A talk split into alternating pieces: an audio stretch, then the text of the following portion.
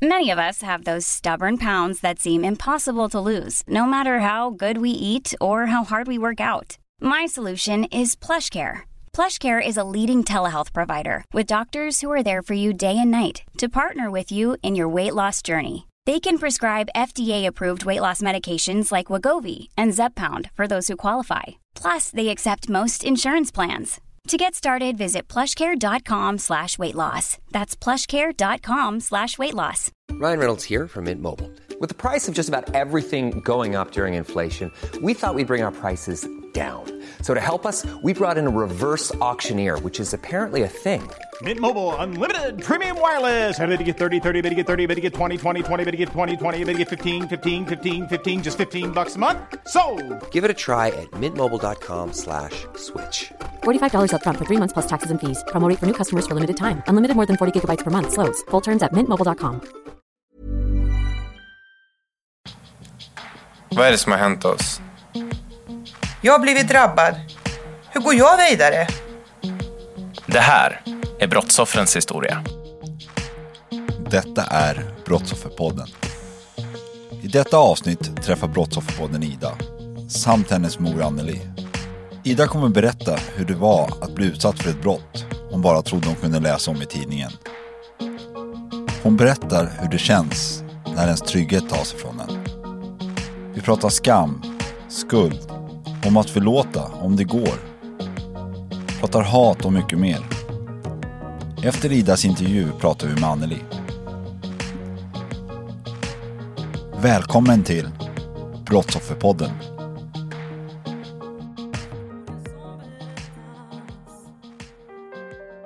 har satt sina spår Finns ingen skam att känna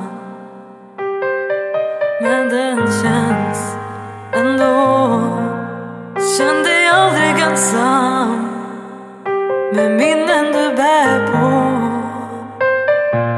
Det är inte din skuld att bära. Jag hoppas du förstår För skulden ligger hos den som vill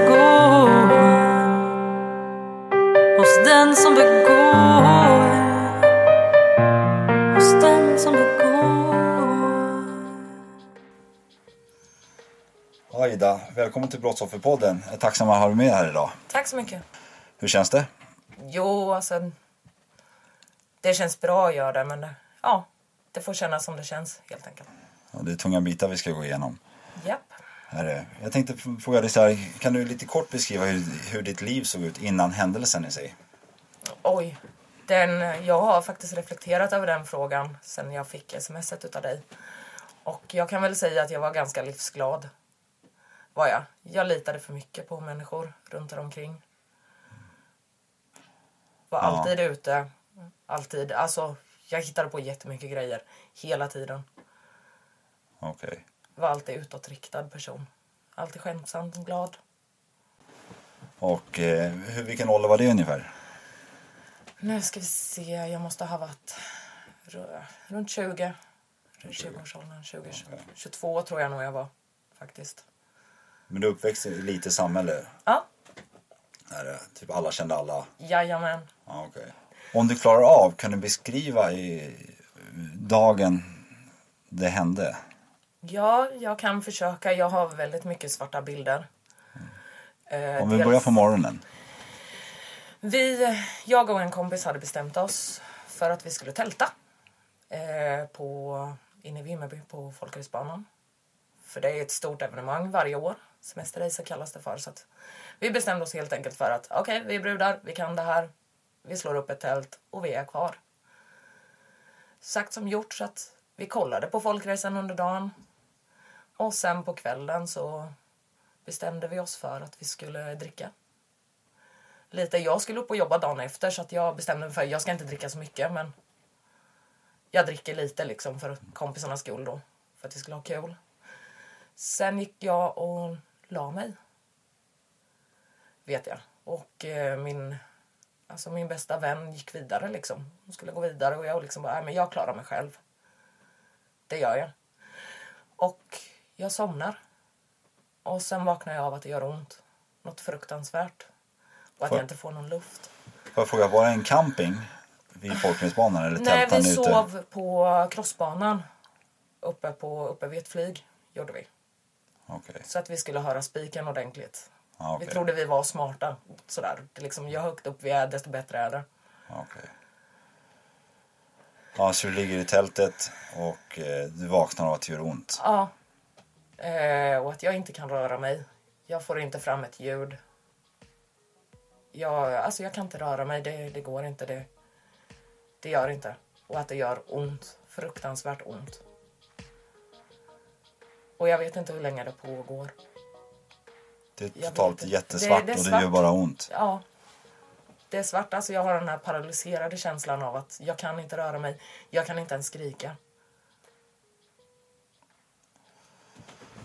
Fick du några andra tankar med att det gjorde ont? Det var mer att jag måste försöka få tag i min vän där. Jag måste på något sätt göra mig hörd eller något. Jag, på något sätt, alltså innerst inne. Men alltså, det är där man blir besviken på sig själv. Men förstod du vad som hände? Jag förstår vad som hände. Det gjorde jag. Vill du förklara lite vad du trodde eller vad som hände? Det, det är ett väldigt känsligt ämne och alltså jag förstår om många reagerar på det men det gjorde ont, i- alltså det gjorde ont i analen. Det gjorde jätteont. Eh, och jag vet inte, alltså jag kan inte säga i och med att det är svart. Alltså bilden är svart och det var ingen annan där förutom jag och sen den här killen. Så bilden är tyvärr svart. Ja, jag förstår. Men det var en kille som låg över dig och Ja, våldtog dig. det stämmer. Och använde han någon våld samtidigt? Han... Eh, jag vet inte för att jag fick ingen luft. Det, det är liksom, det är becksvart. Det, det är som om hjärnan liksom kopplar ifrån det. Har du tänkt något mer på just händelsen efteråt? Vad som kan ha tänkas hänt? Ja, det har jag. Eh, sannolikheten är väl stor att med tanke på att jag inte fick någon luft så måste det ha varit... Alltså jag vet ju att jag kämpade för att få luft. Så att ja, jag har tänkt tillbaka mycket på det. Så troligtvis så drog han något stryptag som inte fick luft. troligtvis. Troligtvis. Det måste varit värsta paniken när du vaknade av det där. Ja, alltså det var det. Det var liksom, vad händer? Vad händer? Alltså det, det är det här, har du haft någon mardröm någon gång? Och du vaknar upp, du vet inte vart du är. Den känslan var det. Har du något tidsbegrepp hur länge det här pågick? Nej, Ingenting. ingenting. Jag vet inte, men det jag vet är att jag hörde röster utanför. Och lika snabbt som att jag vaknade av det, lika snabbt så försvann den här killen. Och min bästa vän kommer in i tältet och ser ju att jag gråter. Så hon frågar vad det är som har hänt och jag får fram på ett sms vad som har hänt. Och då får hon tag i tävlingsledaren inne på banan. Och tävlingsledaren kommer och frågar men jag får liksom inte fram någonting än. Utan jag har fortfarande det här smset kvar där jag har skrivit på telefonen.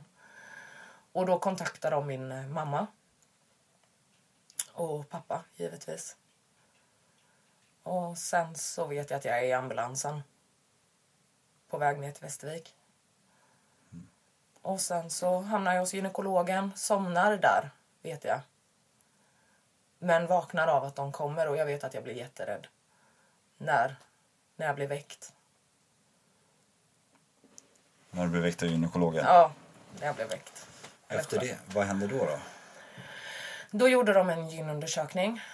Jag eh, bad att mamma och pappa skulle vara med under själva gynundersökningen.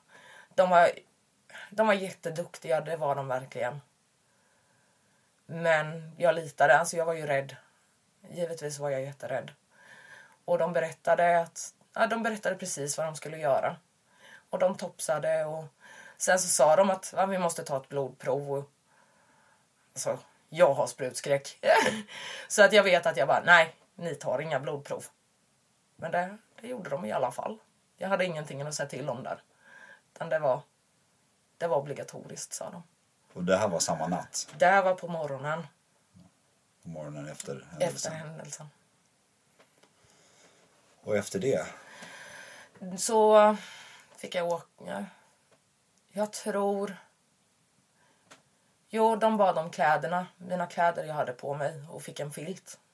Och sen körde de mig till polisstationen inne i Västervik och där får jag sitta insvept i den här filten. Och eh, det som gjorde mest ont det var att de placerade mig i ett förhörsrum i den här insvept i den här filten. Och det kommer en manlig förhörsledare som vill att jag ska sitta och berätta för honom vad det är som har hänt. Hur känner du för det när du sitter, du sitter utan kläder i en filt?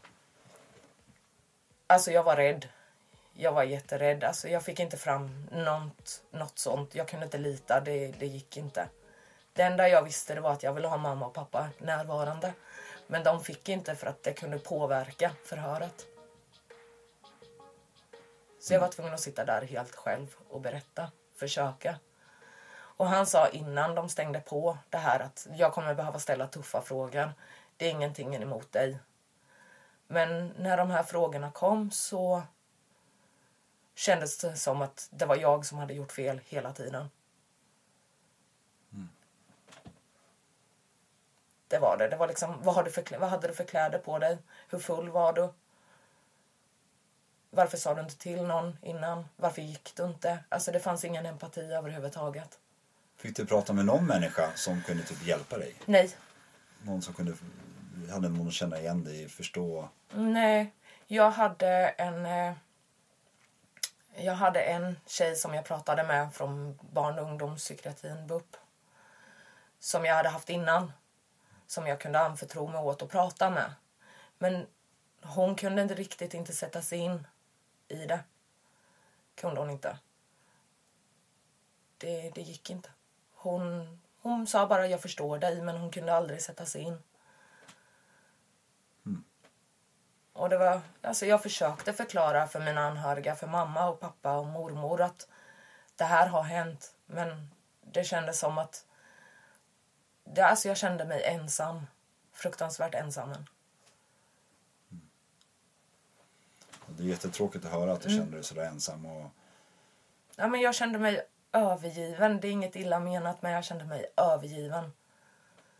Som att ingen i världen kunde förstå vad det var som hade hänt och hur det kändes.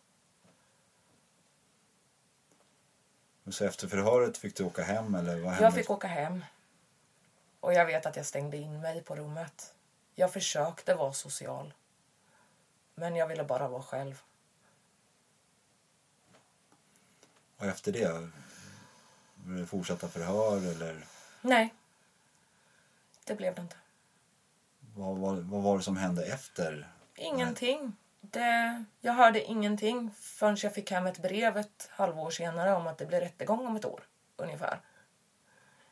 Jag fick ingen hjälp. Och jag vet att skolan började. Och i och med att vi bor i en liten by så visste ju alla vad det var som hade hänt. Och de här blickarna, alltså, det, det var jättejobbigt. Och det här tisslandet och tassandet och alltså blickarna framför allt. Och sen i min klass så hade vi, alltså vi, vi var ju en liten klass var vi. Och det var sista året på gymnasiet. Och jag hade ju BUP som jag pratade med ehm, en gång i veckan. Och sen hade klassen bestämt då att skulle vi ta ledigt så skulle vi berätta varför då inför hela klassen. Och lärarna visste om vad som hade hänt. Och när jag skulle gå så till det här mötet med BUP så frågade min klassföreståndare, att jag, eller hon sa att jag skulle berätta varför jag skulle gå på de här mötena och vad det var som hade hänt. För att klassen skulle förstå, men jag var ju inte beredd. Jag var inte alls beredd på att berätta, men jag var tvungen. Och bara det gjorde saken värre, tycker jag. Att de tvingade mig till att berätta. Och där får jag stå inför en hel klass och berätta vad det är som har hänt. Ja, det, Och då vart skulden större. Sökte du hjälp på egen hand? Nej, Nej, det gjorde jag inte. Jag hade ju mormor och mamma och pappa att prata med. Alltså, polisen erbjöd ingen hjälp, sjukhuset erbjöd ingen hjälp, Nej. skolan erbjöd ingen hjälp. Nej, Så det som hände efter den här tragiska händelsen det var att ett halvår senare får du hem ett brev att det, du ska på en rättegång. Mm. Och det enda det har varit med polisen att göra det var strax efter händelsen. Mm. När du sitter utan kläder i en filt och pratar med en polis som får dig känna dig obekväm. ja. Okej. Du visste inte att de hade tagit eh, förövaren? Visste ingenting om? Jo, det förklarade de att de hade honom inne på förhör. Det var det enda. De var väldigt kortfattade och väldigt sådär att ja, ja, nu kör vi det här förhöret och sen skiter vi i vilket. Alltså, det, jag fick den känslan. Kändes lite som samhället hade släppt dig. Ja, faktiskt. När du som mest behövde det. Ja, Så fanns de inte där. precis. Ja, du berättade att du låste in dig på ditt rum. Hur länge pågick den här känslan att du ville vara... Ja, vad ska man säga?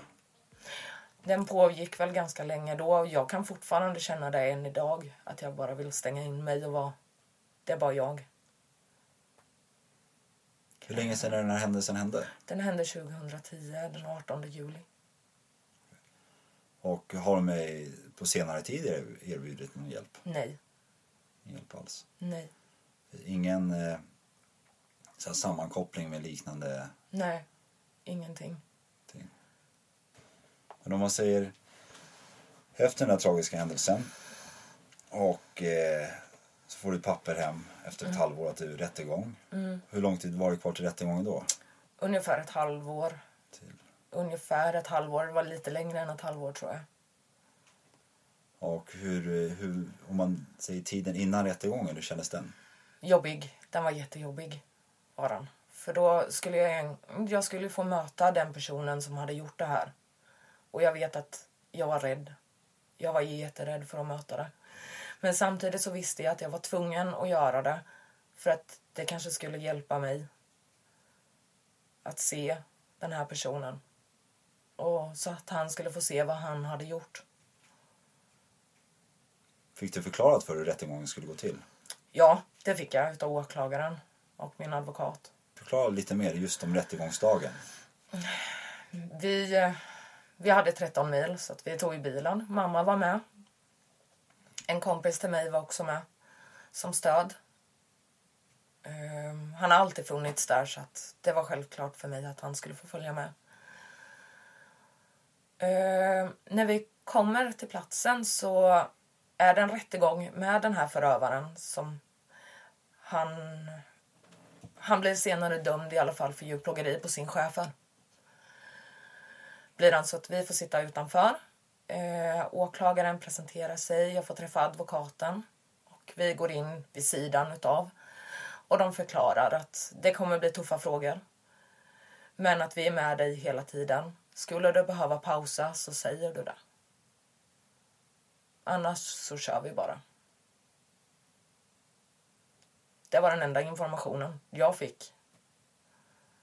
Och sen så fick jag sitta på en kall trästol och vänta.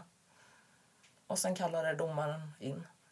Och då fick vi gå in och jag vet att när jag såg honom så brast det. Men jag försökte vara stark för mamma och de var med inne. Jag försökte vara stark för dem, även att jag ville bryta ihop. Men så visste jag att visar jag mig jag fungerar som så att blir det för tufft så blir jag iskall istället. Då vänder jag allting och blir arg. För det är lättare för mig att hantera. Så att jag satt där med högt huvud i alla fall. Genom hela och lyssnade. Hur kände du när, eh, måls, när förövaren pratade? Jag tyckte synd om honom. Han har ju liksom förstört sitt liv, framförallt sina barns liv. Jag tyckte synd om honom. Men samtidigt så kände jag att du måste ändå så förstå vad du har gjort mot mig. Men han förnekade allting. Gjorde han.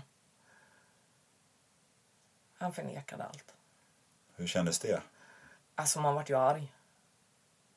Jag hade ju bara lust att ställa mig upp och skrika åt honom. Men det, Det hade ju inte hjälpt mig. Det hade ju inte hjälpt någon i rummet. Efter rättegången då, hur, hur, hur blev det då? Kände du att du fick något avslut?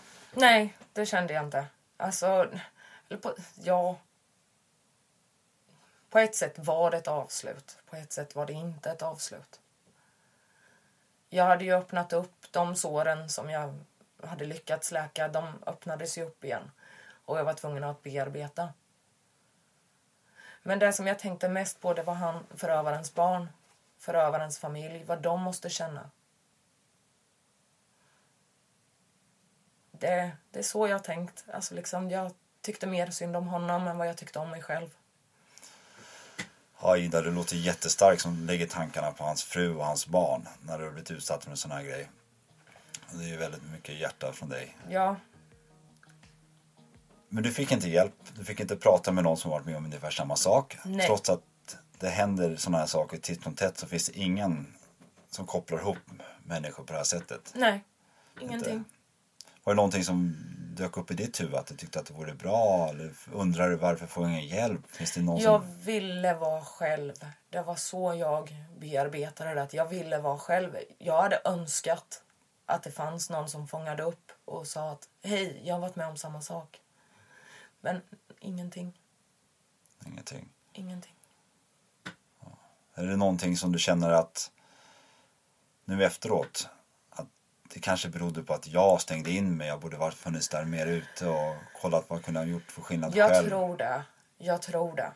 Att hade jag, hade jag till exempel bara ändrat min attityd från att vara själv till att säga hej, jag behöver hjälp. Jag kan inte hantera det här nu. Nu, nu är det för my- nu, det blir jobbigt. Så tror jag nog kanske att jag hade fått hjälp, men jag är inte riktigt hundra på det. Fanns det några tankar i det som, kunde, som tänkte att du kunde gjort någonting annorlunda? Dagen när det hände, när det väl hände. Had, hur mycket jag än hade velat spola tillbaka tiden och tänka att tänk om, tänk om. Men det, det hjälper inte mig i situationen. Det gör inte det. Det har hänt har hänt. Det accepterar det. För jag, försök göra det bästa av situationen, gå vidare. För tänker jag tillbaka att jag skulle ha gjort annorlunda, då gräver jag bara ner mig.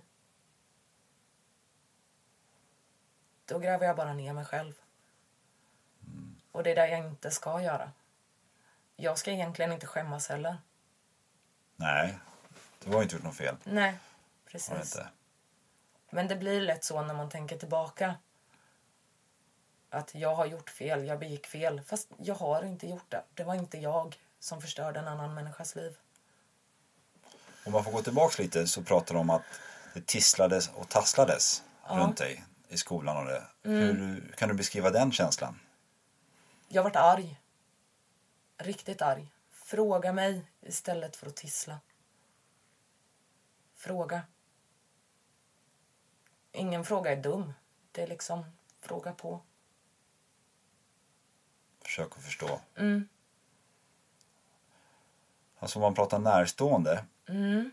Hur har de reagerat? Du pratar din mamma och pappa. Hur har de tagit det här? De vart ju givetvis ledsna. Det vart de ju. Arga, frustrerade. Jag kan tänka mig att de... Alltså jag kan tänka mig att i deras, alltså i deras sätt att se på saken så ångrar de nog sig att jag... Alltså att jag bestämde mig för, för att jag har alltid haft en egen vilja.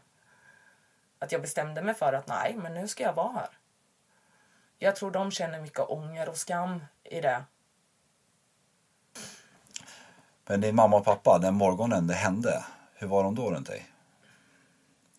Jag vet att jag har alltid stått min mamma närmast. Men på något sätt så var det att pappa vart min trygghet. Jag ville ha pappa för pappa var stor och stark och kunde säga ifrån. Alltså, det är så du tänker. Och jag vet att både mamma och pappa, de förstod liksom att de frågade inte onödiga frågor. Utan jag fick sitta i pappas famn och pappa kliade mig i huvudet. Och det var okej så. Och mamma satt och kliade mig i handen som, ja, som hon brukade göra. Eller klia mig i pannan. Och på så sätt så kände jag mig trygg. Alltså man blev som ett litet barn igen. När man hade skrapat upp knät eller någonting. Alltså det, det var den här tryggheten. Det Vart det. Ja. Så det, alltså det, var, det var en tröst att få ha dem nära. Många brottsoffer vittnar om att de känner stor skuld och skam när de har råkat ut för någonting. Hur ser du på det skuld och skam? Det gör du automatiskt. För det är ju någonting som har hänt som du inte är van vid. Det är såklart att du känner både skuld och skam. Det, är- alltså det, det är fullkomligt normalt. Hur har du hanterat den? Jag har försökt att bearbeta det själv. Eh, genom att jag målar väldigt mycket. Och jag målar ut mina känslor. Gör jag. Och någonstans där, mitt uppe i allt, så lyckades jag vända det. Att det är inte mitt fel. Det är inte mitt fel. Varför ska jag känna skuld och varför ska jag känna skam? Det hjälper inte mig. Det hjälper definitivt inte mina anhöriga heller. Så jag, alltså jag försökte vända det hela tiden. Jag, alltså jag jobbade emot mig själv. Jag vet att när jag duschade till exempel så tvättade jag mig extra noga för att jag kände mig smutsig. När jag sov, när jag skulle gå och lägga mig på nätterna så kröp jag ihop in till väggen. För att då var det ju ingenting. än. Jag la mig med ryggen mot väggen. Gjorde jag. Och det, det var så på så sätt jag kände mig trygg. Eller så helt enkelt så kröp jag ner mellan mamma och pappa. Och liksom, nu vill jag ligga och sova här. Då gör jag det. Hur länge var det så att du var tvungen att ligga med ryggen mot eh, väggen för att inte känna dig otrygg då? Det var nog, ja nog, jag fortsätter nog hålla på med det att jag kryper ihop i fosterställning. Att finns det någon vägg jag kan ligga mot så gör jag det. Och det här är åtta år senare. Ja, Eller blir det sju, åtta år? åtta år senare. Åtta år senare. Så si- sitter det fortfarande i. Ja, Det får verkligen sina konsekvenser. det såna får det. Det får det. Ordet brottsoffer kan ju vara väldigt starkt också. Hur tänker du kring det ordet? Det där är ju en definitionsfråga, tycker jag. Brottsoffer, det är ju både jag, alltså som jag som har varit utsatt för det. Jag, till viss del är jag också ett brottsoffer. Men förövaren klassas också som ett brottsoffer, enligt mig. För just det här ämnet så valde han att förstöra en människas liv utav sina egna begär. Han, för, alltså han valde att förstöra sin familjs liv, sina barns liv. Det är för mig ett brottsoffer. Det är inte bara jag som har blivit utsatt. Utan det är förövarens närstående också som blir utsatta för det. För förövarens val. Det är vad jag anser är ett brottsoffer. Vad skulle du vilja säga till personer som var utsatt för samma sak? Även om det känns Även om det känns jobbigt, mörkt, dystert. Alltså, man vill bara vara själv, man vill stänga in sig, man vill skrika, man vill slå. Alla de där känslorna som rusar runt. Låt dem få komma. Att acceptera det, känslorna? Att acceptera det. För att när du väl accepterar det så kan du göra något bra utav det. Man får bli arg. Man får vara ledsen. Man får även skratta, man får även ha kul. Göm inte undan någonting för då blir det bara värre. Du säger ordet göra något bra av det. Mm. Kan, du, kan du på något skevt, konstigt sätt säga att, eller säga, kanske tro att det kommit någonting bra för dig ur den här situationen? Ja, jag har fått en större empatiförmåga. Jag har lättare att förstå andra människor. Eh, Jag har lättare att ta mig till vad, vad människor säger.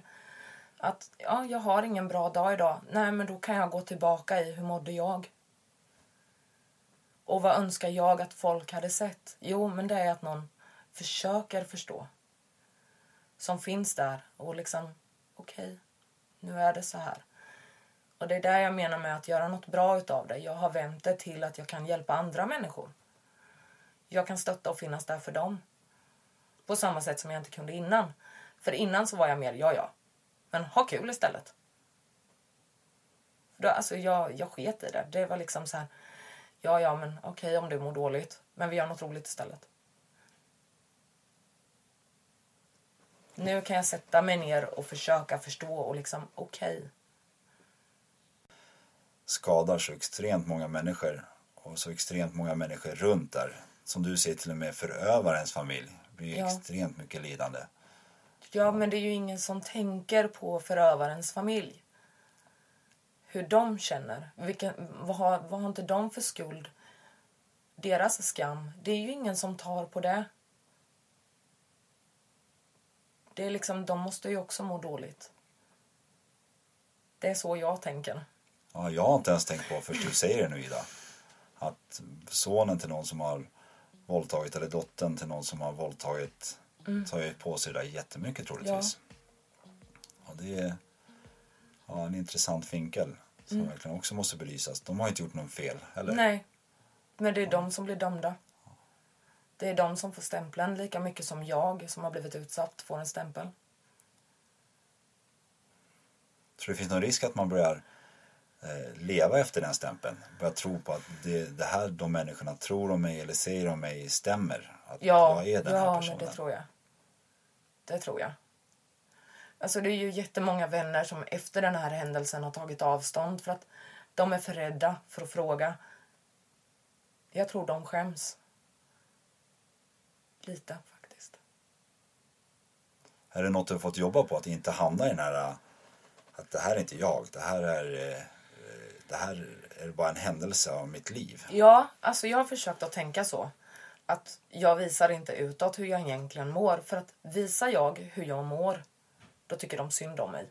Och jag vill inte att de ska göra det. De ska behandla mig som de behandlade mig innan. Faktiskt. Varför tror du människor blir så känsliga kring det här ämnet? För att de vågar inte. De kan inte sätta sig in i hur det känns. Och då är det alltid lättare att fly frågan, fly personen. Och fortsätta som ingenting, än att stanna upp och fråga. Man väljer att skratta bort det istället. Istället för att ta på det. Precis. För att det är för långt borta för dem. Precis. De kan inte sätta sig in i situationen.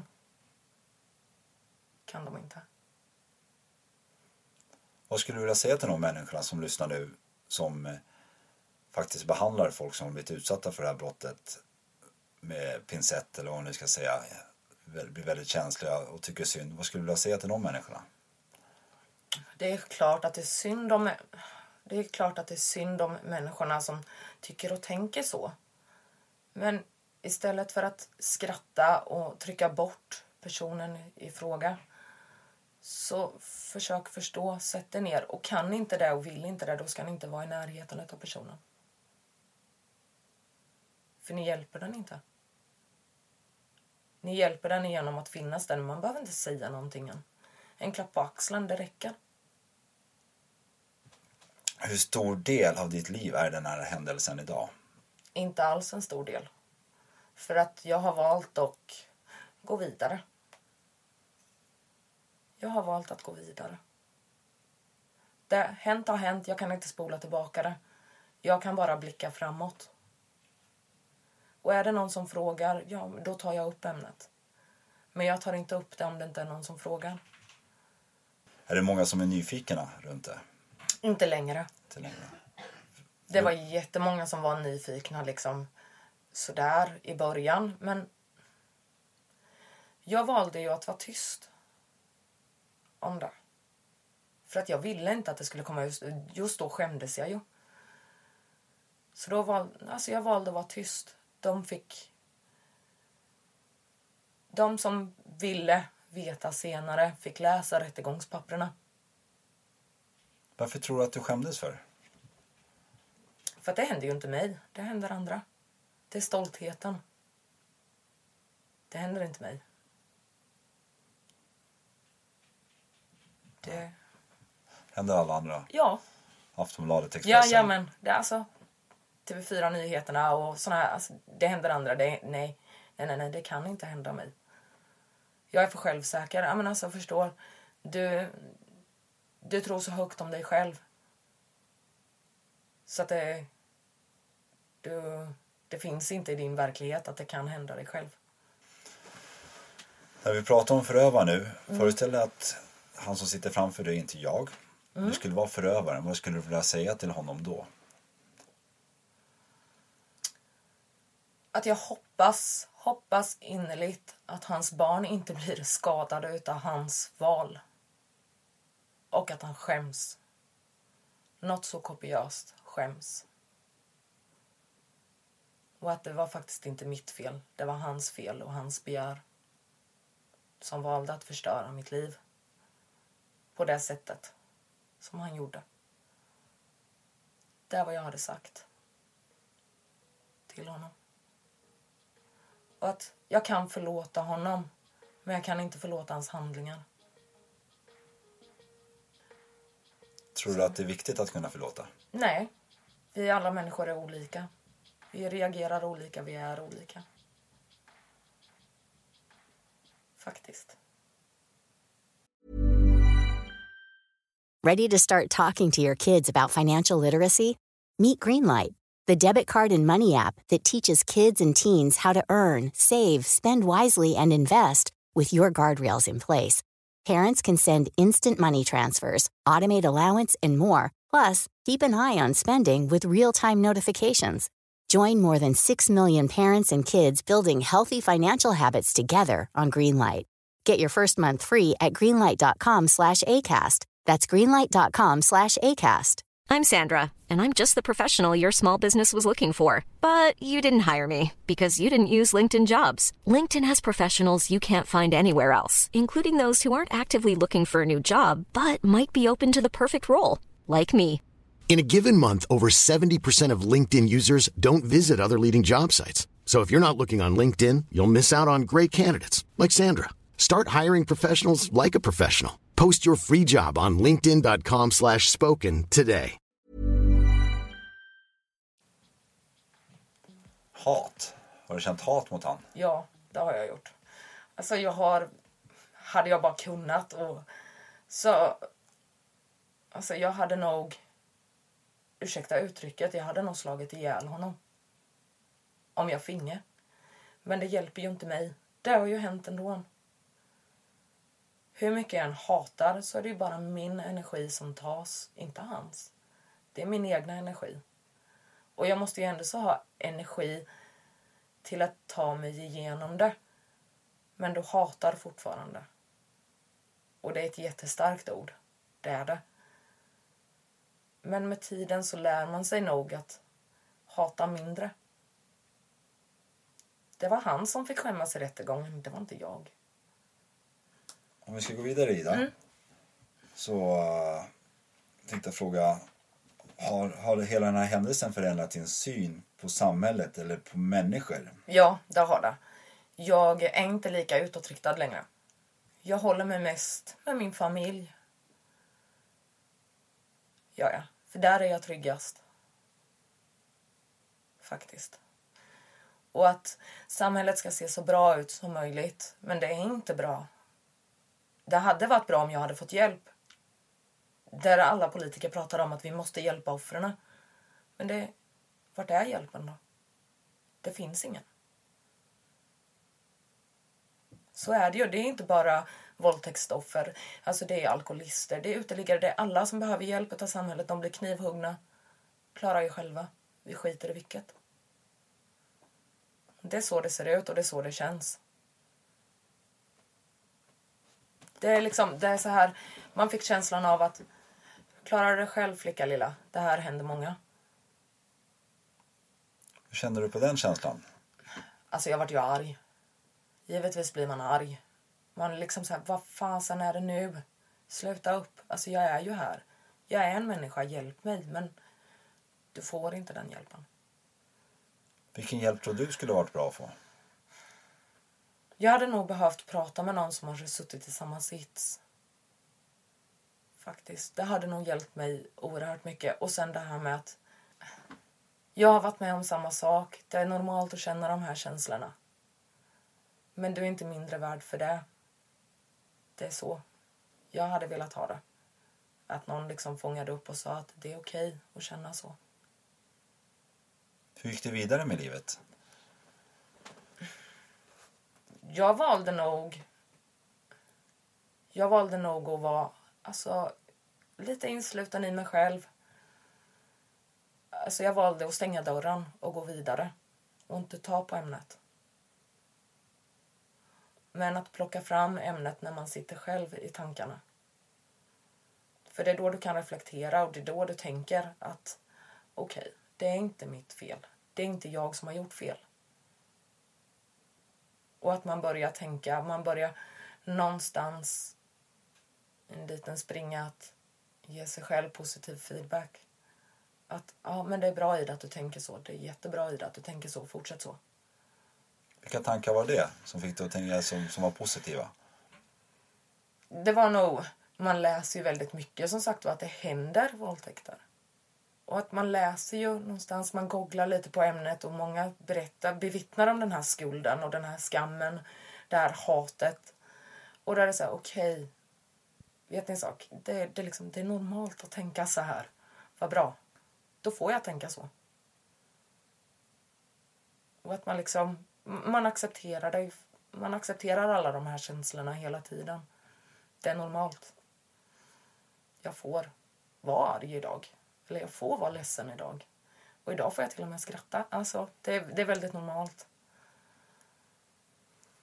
När vi började intervjun så frågade jag hur ditt liv såg ut innan och du var väldigt glad, mm. öppen, utåtriktad. Om man, om man ställer samma fråga nu om hur ser Idas liv ut idag? Jag är nöjd med det. Jag har gjort det bästa av situationen. Har jag gjort. Jag är fortfarande glad, utåtriktad och positiv, men inte på samma sätt. Det är jag bara med familjen. Och i stora folkmassor kan jag bli väldigt orolig. Så jag tittar över axeln och känner mig osäker. Men jag försöker mitt bästa. Och jag är fortfarande utåtriktad, hittar på dumma grejer, det gör väl alla. Sådär. Alltså liksom man är lite så spontan, alltså det känns som man börjar komma tillbaka. Ida, om vi går tillbaka till din rättegång. Hur kändes det när advokaten ställde massa frågor till dig? Och vad för typ av frågor fick du? Alltså det var, jag minns inte riktigt vad det var för frågor. Vet jag inte. Eh, men jag vet att det var tufft och att jag försökte att inte bryta ihop. Jag försökte att inte gråta men jag, jag fick nog inte fram så mycket. Utan åklagaren gick tillbaka till förhöret lite. Är det här någonting som har typ eh som du har tänkt på efteråt? Ja, givetvis har man ju tänkt på det efteråt. att Varför sa jag inte så? Men det, det blir för tufft. Jag blickar på det hela tiden. Om man går tillbaka till polisförhöret. Då berättade du lite tidigare om att de frågade vilka kläder du hade på dig. Ja. Hur känns det att få sådana frågor? Det spelar väl ingen roll. Jag vart bara arg. Alltså det spelar väl ingen roll vad jag har för kläder på mig. Vad, vad gör det för skillnad? Det är så det kändes. Och jag hade liksom varselbyxor på mig och dessutom. Jag menar, hallå.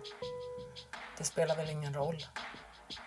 Nu är det dags att släppa in Anneli. Anneli som är anhörig till Ida berättar om hur påverkat även hennes liv har blivit av det som hände hennes dotter. Vi får höra hur Anneli har tagit allt. Kan hon förlåta? Känner hon skuld? Känner hon hat? Följ med på denna del så får du reda på mer. Du är anhörig. En tjej som heter Ida. Hon har också ut för en våldtäkt. Kan du berätta lite den, den dagen eller den morgonen? Ja, jag vaknade av min telefon och jag svarade och de frågade om jag hade en dotter som heter Ida Samuelsson. Ja, sa jag då. Ja, vi vill att du kommer in till folkracebanan nu direkt. Vad fick du för tankar när du fick det här samtalet? Ja, jag visste ju att någonting hade hänt. Men jag visste inte vad, utan panikslagen åkte jag in till banan. Och... Fick du några bilder i huvudet? Vad som kan ha hänt eller? Förklara om någonting. De ville bara att du skulle komma in till platsen. Ja, de sa Ida behöver dig, sa de. Så, ja. Och jag åkte in och Vad möttes du av då? jag möttes av en ambulans och eh, de här arrangörerna på folkracebanan. Och de talade om vad som hade hänt. Och jag ser Ida sitta eh, vid ambulansen. Och jag har fullständigt panik, springer fram till Ida. Och Ida säger, skriker till mig att vad som har hänt. Och hon bara gråter och ja, och så minns jag ingenting mer där. Utan jag minns att jag ville veta vem det var som hade gjort. Som hade våldtagit Ida. Så, och jag såg att han satt i en polisbil. Och jag sprang fram till polisbilen. Men eh, de eh, stängde dörren på polisbilen för att jag fick inte se vem det var. Och ja, man vart ju vansinnig för att jag inte fick se vem, vem det var som hade gjort så mot Ida då. Kan du beskriva lite mer ungefär hur du kände? Ja, jag kände ju världens panik att jag måste ha tag i den som har gjort Ida det. Och ja, samtidigt så... Ja, jag, ja. Jag har inte så mycket minne av, av det förrän vi kommer ner till Västervik. För Ida åkte iväg innan, innan jag åkte iväg. För, ja, ja, jag var inte kapabel, eh, kapabel till att köra bil just då utan min man och jag åkte, åkte till Västervik efter. Till sjukhuset? Ja, till sjukhuset. Vad möts de på sjukhuset? Nej, vi var inte på sjukhuset. Vi fick åka till polisen. Det var där. Och Ida satt på en stol där. Ja. Och sen... Eh, ja, polisen pratade om vad som hade hänt och, och så, men... Och Ida hade varit på gynundersökning för att topsa då. Och hon fick åka tillbaka igen till gyn för att de hade inte topsat just på det stället hon... Ja. Utan hon fick stå vara med om det en gång till. Ja. Alltså Ida får åka tillbaks till, till sjukhuset Ja, och sen kommer hon tillbaks till polisen. Ja. Det för att förhör då? ja, förhör. Får du vara med henne hela tiden? Nej, jag får inte vara med i, i förhörsrummet eller... Utan vi fick sitta och vänta på att Ida skulle bli klar där inne hos polisen. Minns du någonting vad som hände i ditt huvud eller i, i, i kroppen under den här perioden? Du sa tidigare att du kände väldigt mycket att du ville veta vem som hade gjort det mot din dotter. Ja, Hade de tankarna försvunnit eller var de fortfarande kvar där? Att, jag visste ju att han hade blivit anhållen. För ja, vakterna hade tagit honom. Så jag visste att han var anhållen. Och att det var lugnt. kändes det en trygghet för dig att han Ja. var anhållen? Ja, att han var anhållen, ja. Om vi går tillbaks till, eh, till polisstationen och förhöret. Det är en väldigt allvarlig händelse som har hänt. Mm. Fick ni någon hjälp? Fick du någon att prata med? Fick du något samtal? Ring det här samtalet. eh, Gör det här med din dotter. Var det någon utomstående som kom och ville hjälpa till på rätt sätt? Om man bortser från polisen som ville göra, eh, ett, göra ett förhör. Ja, Ida hon fick ett telefonnummer till eh, brottsofferjouren.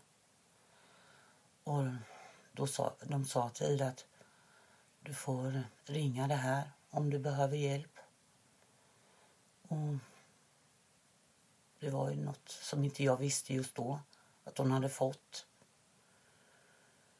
Och kan det vara efter en månad eller något så ringer någon till Ida från brottsofferjouren och frågar om hon vill komma och prata. Men Ida säger nej, det behöver jag inte. För hon stängde igen. Hon ville inte höra, eller ville inte prata om det. Utan stängde helt. Hur såg ditt liv ut efteråt? Strax efteråt den här händelsen, hur, hur mycket påverkade det här ditt liv och vad hände i ditt liv? Ja, jag fick ju vara hos Ida hela tiden. Och så fort hon somnade så vaknar hon och skriker. Så ja, jag jobbade ju 100 procent. Och när jag jobbade så var syskonen eller min man hemma hos henne. Och, och jag var hos henne om nätterna då för att kunna stötta då. Så man var ju vaken dygnet runt i stort sett för att finnas för Ida då. Fick du någon, eh, någon hjälp med att hur du skulle kunna vara till hjälp? Var det någon som pratade med dig? Nej, det var det inte. Det är inga råd och tips? Nej. Men vi hade ju varann, Ida och jag. Ja, jag försökte stötta Ida och, och att Ida skulle börja prata. För hon, var, hon sa inte mycket. Utan hon stängde in sig och ja, jag såg att hon tänkte mycket och, och förstår att hon gick igenom händelsen hela tiden när hon sov.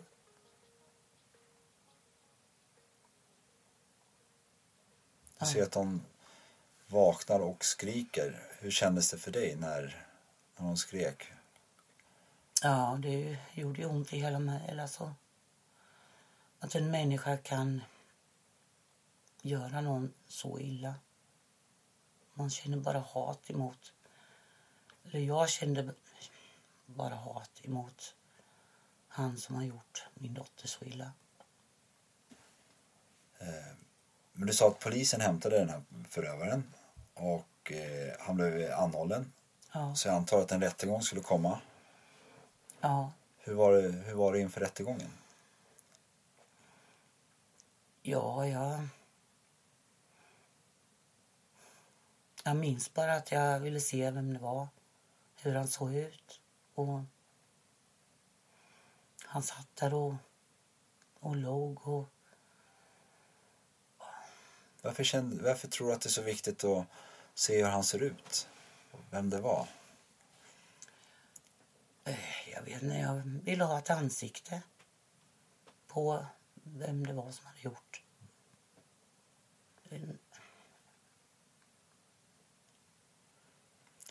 Sen Ja, ett- ifall han skulle komma tillbaka eller, eller om det skulle komma något hot eller något så visste jag ju vem det var. Du ville veta vem du skulle skydda din dotter emot? Ja, Ja, jag förstår. Men sen efter rättegången, hur kändes det då? Kändes det som, som att du fick något avslut med den här förövaren eller kändes det... Hur, kan du beskriva lite mer efter rättegången just? ja, jag hoppades ju att han skulle få något straff i och med att... Ja, men eh, han bara sa att jag trodde det var min fru. Och han... Det hjälpte att han sa så. Och det, Hur kändes det? det kändes för jäkligt att han skulle komma undan med det. Och medans Ida då skulle få leva med allt det. Ja.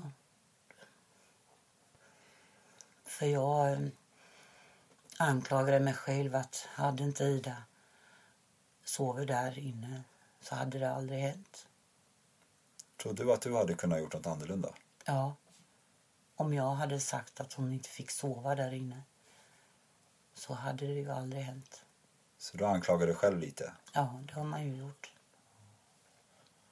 Så skam och skuld? Ja.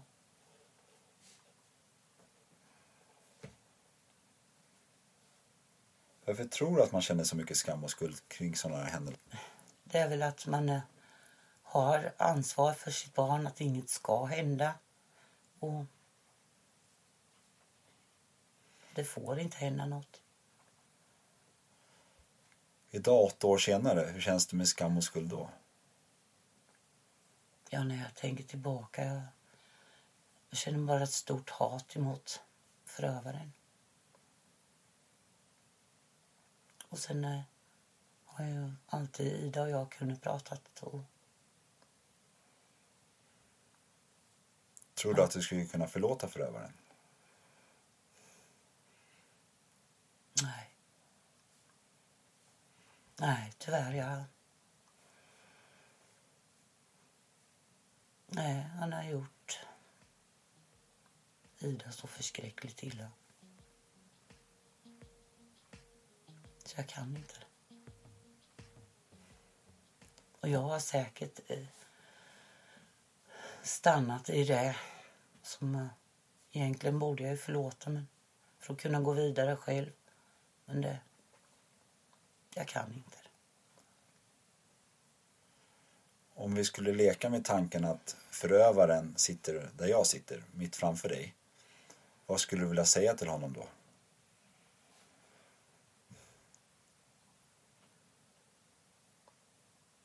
Ja, ja.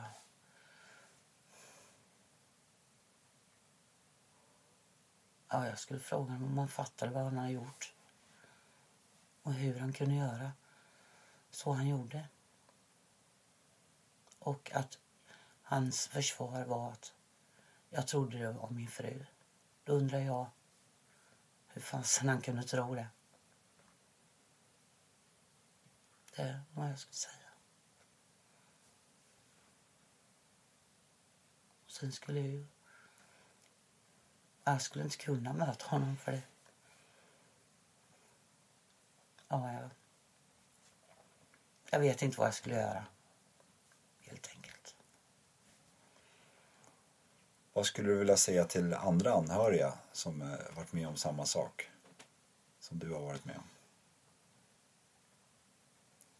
Ja, att måste prata och det måste bli mer, Det komma fram mer hjälp till anhöriga. Och att de kan inte bara ge eh, offret ett telefonnummer och tro att offret ska ringa tillbaka. För det finns inte med. Och att de kan ringa flera gånger och fråga om vill du prata. Men eh, de ringde en gång.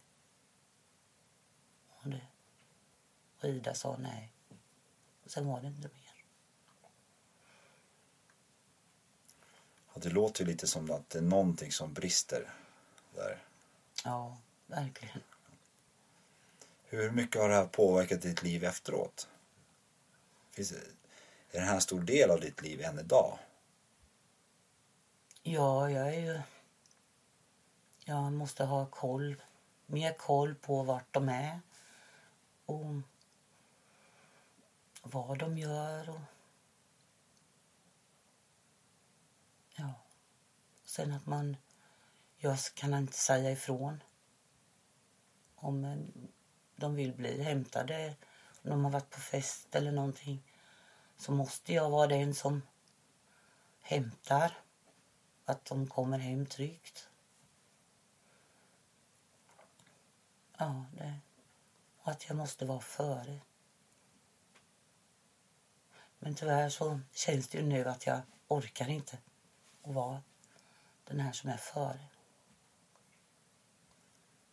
Det har förändrat ditt liv jättemycket det här. Ja, jag hoppas att det blir förändring. Att, att fler anhöriga eh, kommer fram och vad de har fått för hjälp och ja, att det blir en förändring.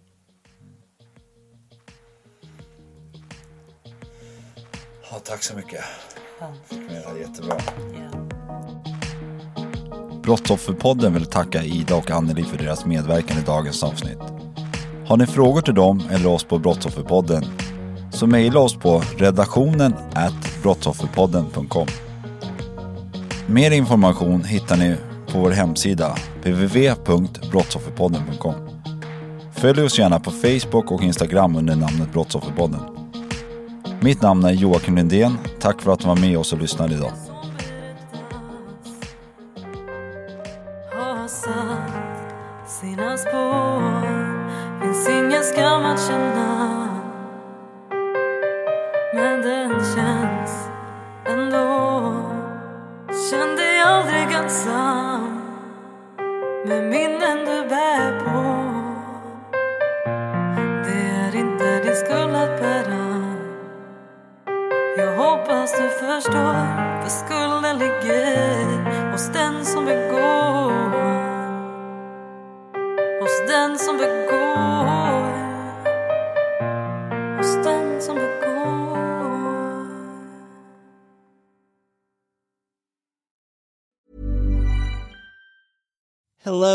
This is Danny Pellegrino, host of the Everything Iconic podcast, and I'm here to tell you all about Splash Refresher because hydration is mandatory, but boring is not.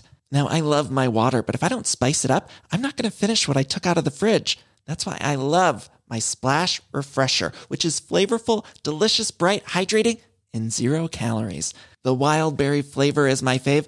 No, wait, is the pineapple mango flavor my fave? You know what? All five craveable splash refresher flavors are my fave because they're so delicious. So get hydrated and enjoy it with Splash Refresher.